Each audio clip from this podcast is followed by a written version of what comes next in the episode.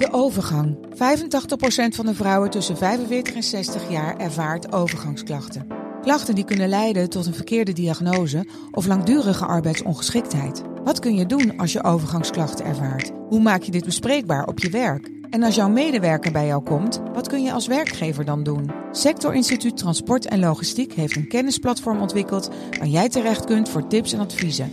Wil je er meer over weten? Kijk dan eens op stl.nl/slash overgang. Audiohuis. Hoi, ik ben Tina Nijkamp. Elke werkdag blijf je op de hoogte van de kijkcijfers, het medianieuws en hoor je mijn kijktips. Dit is Tina's TV-update. Goedemorgen. Het is vandaag maandag 5 februari en dus tijd voor een nieuwe podcast met zometeen alles over de kijkcijfers van gisteren en een heleboel vragen. Maar nu eerst gaan we het hebben over Matthijs van Nieuwkerk. Want dat houdt natuurlijk de gemoeder enorm bezig in Medialand. Suzanne Kunstler, de mediadirecteur van BNN-Vara, die uh, beschuldigde Matthijs uh, afgelopen donderdag, eigenlijk op die avond van het rapport van grensoverschrijdend fysiek gedrag, maar ook van seksueel uh, grensoverschrijdend gedrag tijdens die Wereldrijd Door periode. En dat sloeg in als een bom, hè, want we dachten alleen dat het ging over verbaal geweld, maar volgens Suzanne Kunstler gaat het dus om meer. Hè, zo zou Matthijs onder andere iemand bij de keel hebben gegrepen. En dus is nu de vraag: kan Matthijs nog wel naar RTL 4? He, want wist RTL hier bijvoorbeeld van, of wisten ze niet? Nou, één ding is zeker, uh, RTL loopt hiervan schade op. Nou, Matthijs natuurlijk ook, want Matthijs die ontkent dit met klem, al die beschuldigingen. Die zegt er is helemaal niets van waar. Maar uh, voor RTL uh, ja, is Matthijs nu wel een risicofactor geworden. Daar heb ik ook mijn column in de Telegraaf over geschreven. En dan noem ik er vier. Hè? Dus dat het een etterende wond wordt, is de eerste. He, als er nu nog meer naar buiten komt, ja, dan, dan is het onhoudbaar de situatie.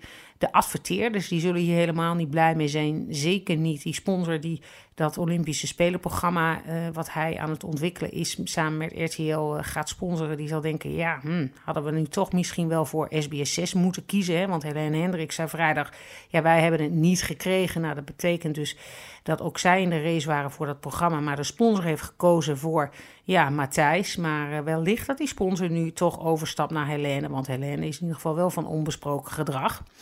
En uh, wellicht ook dat de adverteerders helemaal niet meer rondom Matthijs uh, programma's willen gaan zitten in die reclamebreaks. Dus dat is ook nog wel heel zorgelijk. Voor de rest, dat natuurlijk het allerergste is, is wie willen nog met Matthijs werken? Ja, wie vindt maar eens iemand die eindredacteur van hem wil, wil zijn? Nou, dat blijkt ook heel moeilijk te zijn, want er is dus die vacature voor uitgeschreven en ook voor een aantal redacteuren. Dus een team vinden blijkt lastiger dan bij heel veel andere programma's. En ik denk toch dat heel veel tv-makers denken van, ja, ook uit collegialiteit naar die andere, uh, ja, de slachtoffers van Matthijs, van verbaal geweld. En nou ja, goed, uh, hij ontkent maar dan, ja, ook misschien wel fysiek en seksueel wangedrag.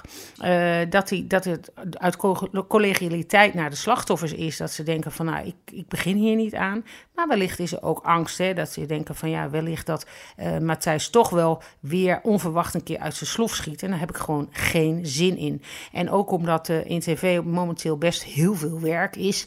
Uh, weet je wel, is het ook niet zo van nou, dat het heel moeilijk is. Of dat je die baan wel moet aannemen. Er is best nog wel wat keus.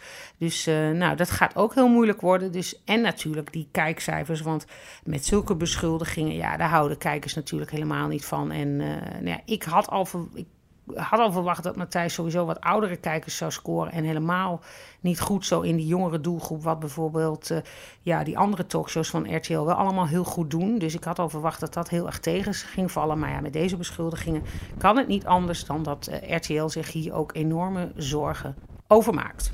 Dan uh, gaat in ieder geval Talpa blij zijn dat zij niet uh, in zee zijn gegaan met uh, Matthijs. Want ja, als je zo. ja, dat is toch een gedoe. Het is schadelijk voor de zender. En ik denk dat Talpa heel erg opgelucht is. En Frans Klein is weliswaar een vriend van Matthijs. Dus hij zal in nauw contact staan met hem op persoonlijk vlak. Maar ik denk dat hij zakelijk gezien heel blij is dat hij dat gedoe niet bij SBS6 heeft. Dan uh, heeft de Afro-Tros een nieuwe directeur. Erik van Stade gaat daar eind deze maand uh, weg. En uh, die nieuwe directeur is opnieuw een man. Een 50-plus man, Taco Zimmerman. met een ja, goede reputatie volgens mij. Hij heeft een heel groot productiebedrijf gehad, Tuvalu. Onder andere bekend van het verhaal van Nederland. en, en ook Kamp van maken zij onder andere en Maestro. En Taco Zimmerman wordt dus die nieuwe directeur. Verder valt op dat Netflix heeft een persbericht uitgedaan. En uh, daar zijn ze heel erg scheppen ze op over alle nieuwe series die komen gaan. Een vervolg hierop, een vervolg daarop. En opvallend is dat er een aantal buitenlandse series ook worden genoemd. Hè. Local programming vanuit het buitenland, dus niet alleen maar grote Amerikaanse series. Maar dat er helemaal niks van Nederland tussen staat. Vond ik opvallend. Dus uh, de vraag is wel van hoe belangrijk is Nederland eigenlijk voor Netflix? En uh, in ieder geval niet belangrijk genoeg om in een persbericht genoemd te worden. Dan, uh, Edwin Evers is natuurlijk vrijdag op, uh, van start gegaan met zijn nieuwe programma, hè, zijn radioprogramma Evers Co. En dat was eenmalig ook op SBS 6 te zien. En dat heeft dus heel goed, veel kijkers ook gehad. 99.000 en een bereik van 635.000. Dat betekent dat 635.000 mensen meer dan een minuut, of uh, een minuut hebben gekeken minstens. En dat is gewoon hartstikke goede score voor een overdagprogramma. Dus Edwin Evers is back en nog onverminderd populair. Nou, dan gaan we nu door naar de kijkcijfers van gisteren. Want uh, gisteren was natuurlijk die tweede aflevering van Heel Holland Bakt. En die heeft heel goed gescoord. Veel beter dan de eerste. Opvallend. Want bij zo'n tweede aflevering wordt er eigenlijk veel minder gepromoot. Maar uh, ja, toch 200.000 kijkers meer voor Heel Holland Bakt. En uh, nou, dat is goed nieuws voor Jan Slachter, André, Jannie en Robert. Want ik denk wel dat ze een beetje zich zorgen maakt. Want vorige week was die start van Heel Holland Bakt een van de slechtste openingen ooit. Hè, buiten die eerste seizoen met 812.000 kijkers scoorde het eigenlijk altijd meer dan uh, die 2,2 miljoen van vorige week. En wat ook opvallend is, is dat gisteren Ivo Nier weer op, van start ging met zijn Ivo op zondag. En dat heeft ook weer heel erg goed gescoord. Grappig is dat toch dat Ivo is, heeft natuurlijk al lang de pensioengerechtigde leeftijd. Maar heeft op die zondag toch echt een plekje verworven zo na WNL op zondag. Wat ook altijd wel redelijk goed scoort. En zo zie je dat die zondagochtend uh, heel belangrijk aan het worden is voor uh, de tv-kijker. En dat volgen we eigenlijk het buitenland mee op. Dat is in, in bijvoorbeeld in Groot-Brittannië en Australië al langer het geval. Maar nu in Nederland blijkt dat dus ook zo te zijn. Want zelfs het journaal van 12 uur stond ook in die uh, top 10 zelfs van uh, best bekeken programma's gisteren. Met uh, meer dan 700.000 kijkers. Opvallend en opmerkelijk dus de zondagochtend is hot voor de tv-kijker. Dan gaan we door naar de vragen. er is een vraag over die DJ's die ook in dat rapport staan. Van waarom horen we daar niks over? Ja, dat is een goede vraag. Er staan inderdaad ook DJ's in het rapport die uh, ja, zich schuldig hebben gemaakt aan wangedrag volgens het rapport van Rijn. Maar daar hebben we nog niks over gehoord. Ik weet ook niet wie dat zijn en wat daar precies, wat voor wangedrag daar heeft plaatsgevonden. Daar kon ik niet echt goed terugvinden, maar misschien dat we daar de komende dagen iets meer over horen. Verder uh, begint vandaag Ilja Gort op NPO 2 met uh, Gorts Wijnkwartier. En ik kreeg daar een vraag over. Hoe kan uh, Ilja Gort zo'n programma krijgen terwijl er toch eigenlijk reclame is voor zijn wijnen?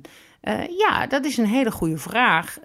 Ik weet niet ja, waarom de NPO dit doet. Het is inderdaad ja, toch een soort verborgen reclame voor Ilja Gorts en wijnen, die, die, die bij de Albert Heijn onder andere verkrijgbaar zijn. En je vraagt je af waarom gaat de NPO hiermee akkoord met zo'n hele lange reclamespot. Zeker Ilja's wijn, of uh, ja, Gorts wijnkwartier, wat vanavond van start gaat, gaat eigenlijk over zijn château en over zijn familie en over wijn maken. Ja, dat is natuurlijk wel heel, uh, ja, heel erg dichtbij uh, reclame maken van uh, koop mijn wijn, koop mijn wijn. Dus ik weet niet uh, hoe dat kan. En wellicht dat het commissariaat van de media hier eens naar moet gaan kijken of dit wel binnen de mediawet past. Ik, het zal wel, want anders zou het niet op televisie zijn geweest of zouden ze al lang een boete hebben gehad. Maar vreemd is het in ieder geval wel. Dan de vraag, waar is Duke Winia gebleven? Dat is die eind, hoofdredacteur van de Wereld Door. Uh, waar Matthijs van Nieuwkerk heel lang mee heeft samengewerkt. Hè. Zij had ooit zelfs een baan bij BNN gekregen. En toen heeft Matthijs haar gesmeekt om toch bij de Wereld Door te blijven. En toen stonden ze nog samen op die foto, weet u nog wel. En uh, nou goed, Duke wordt ook veelgevuldig genoemd in dat Volkskrant-artikel van uh, november 2022. En de vraag is dus wat zij doet zij nu. Nou, ik heb haar LinkedIn bekeken. Ik weet dat zij na de Wereld Draait Door uh, is zij weggegaan. Toen is ze samen met de productieleider een bedrijf gestart bij Joop van den Ende. Dat heette Mr. en Mrs. Lane, weet je wel. Dat was een, zeg maar ja, een onderbedrijfje van Media Lane. Um, en uh, daar, daar heeft ze een aantal programma's gemaakt, onder andere ook voor Matthijs van Nieuwkerk, een boekenprogramma Moby Dick. En daarna is het heel stil rondom haar geworden qua carrière. Ze heeft nog gewerkt volgens haar LinkedIn voor Tinken, dat is die eh, producent van onder andere uh, van Roosmalen en Groenteman.